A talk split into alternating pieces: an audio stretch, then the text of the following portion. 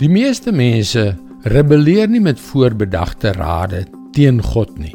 Dit gebeur soms, maar weet jy, dit begin meestal met een of twee klein kompromieë wat uiteindelik tot 'n volslae rebellie lei. Hallo, ek is Jockey Gouchee vir Bernie Diamond en welkom weer by Vars.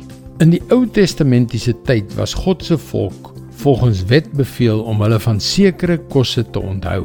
Dit was maklik om die wette in hulle eie land te onderhou.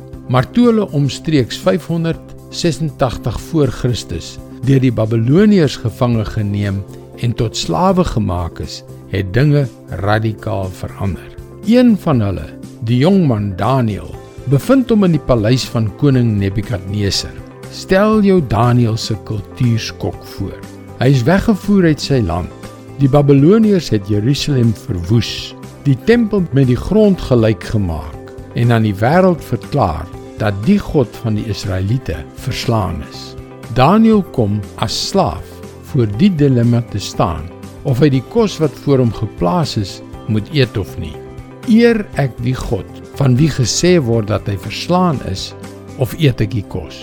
Kom ons kyk wat gebeur in Daniël 1 vers 8 en 9. Daniël het hom voorgenem om hom nie met die koning se kos en wyn te verontreinig nie en hy het die hoofpaleisbeampte vergunning gevra om dit nie te gebruik nie. God het die hoofpaleisbeampte gunstig en simpatiek gestem teenoor Daniël. Daniël besluit om 'n standpunt wat hom sy lewe kan kos in te neem. Dit verg geloof en moed. Maar God is getrou en hy het die hoofpaleisbeampte oortuig om die toegewing te maak. Ons bevind ons vandag nog in dieselfde dilemma.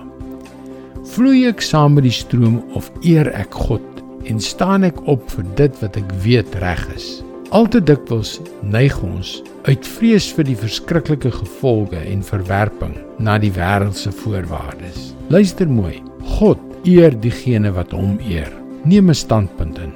Dit is sy woord vars vir jou vandag.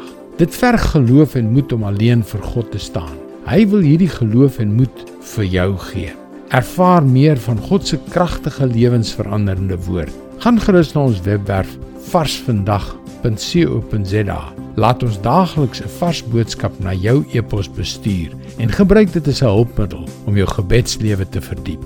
Luister weer môre na jou gunstelingstasie vir nog 'n boodskap van Bernie Diamond. Seënwense en mooi loop.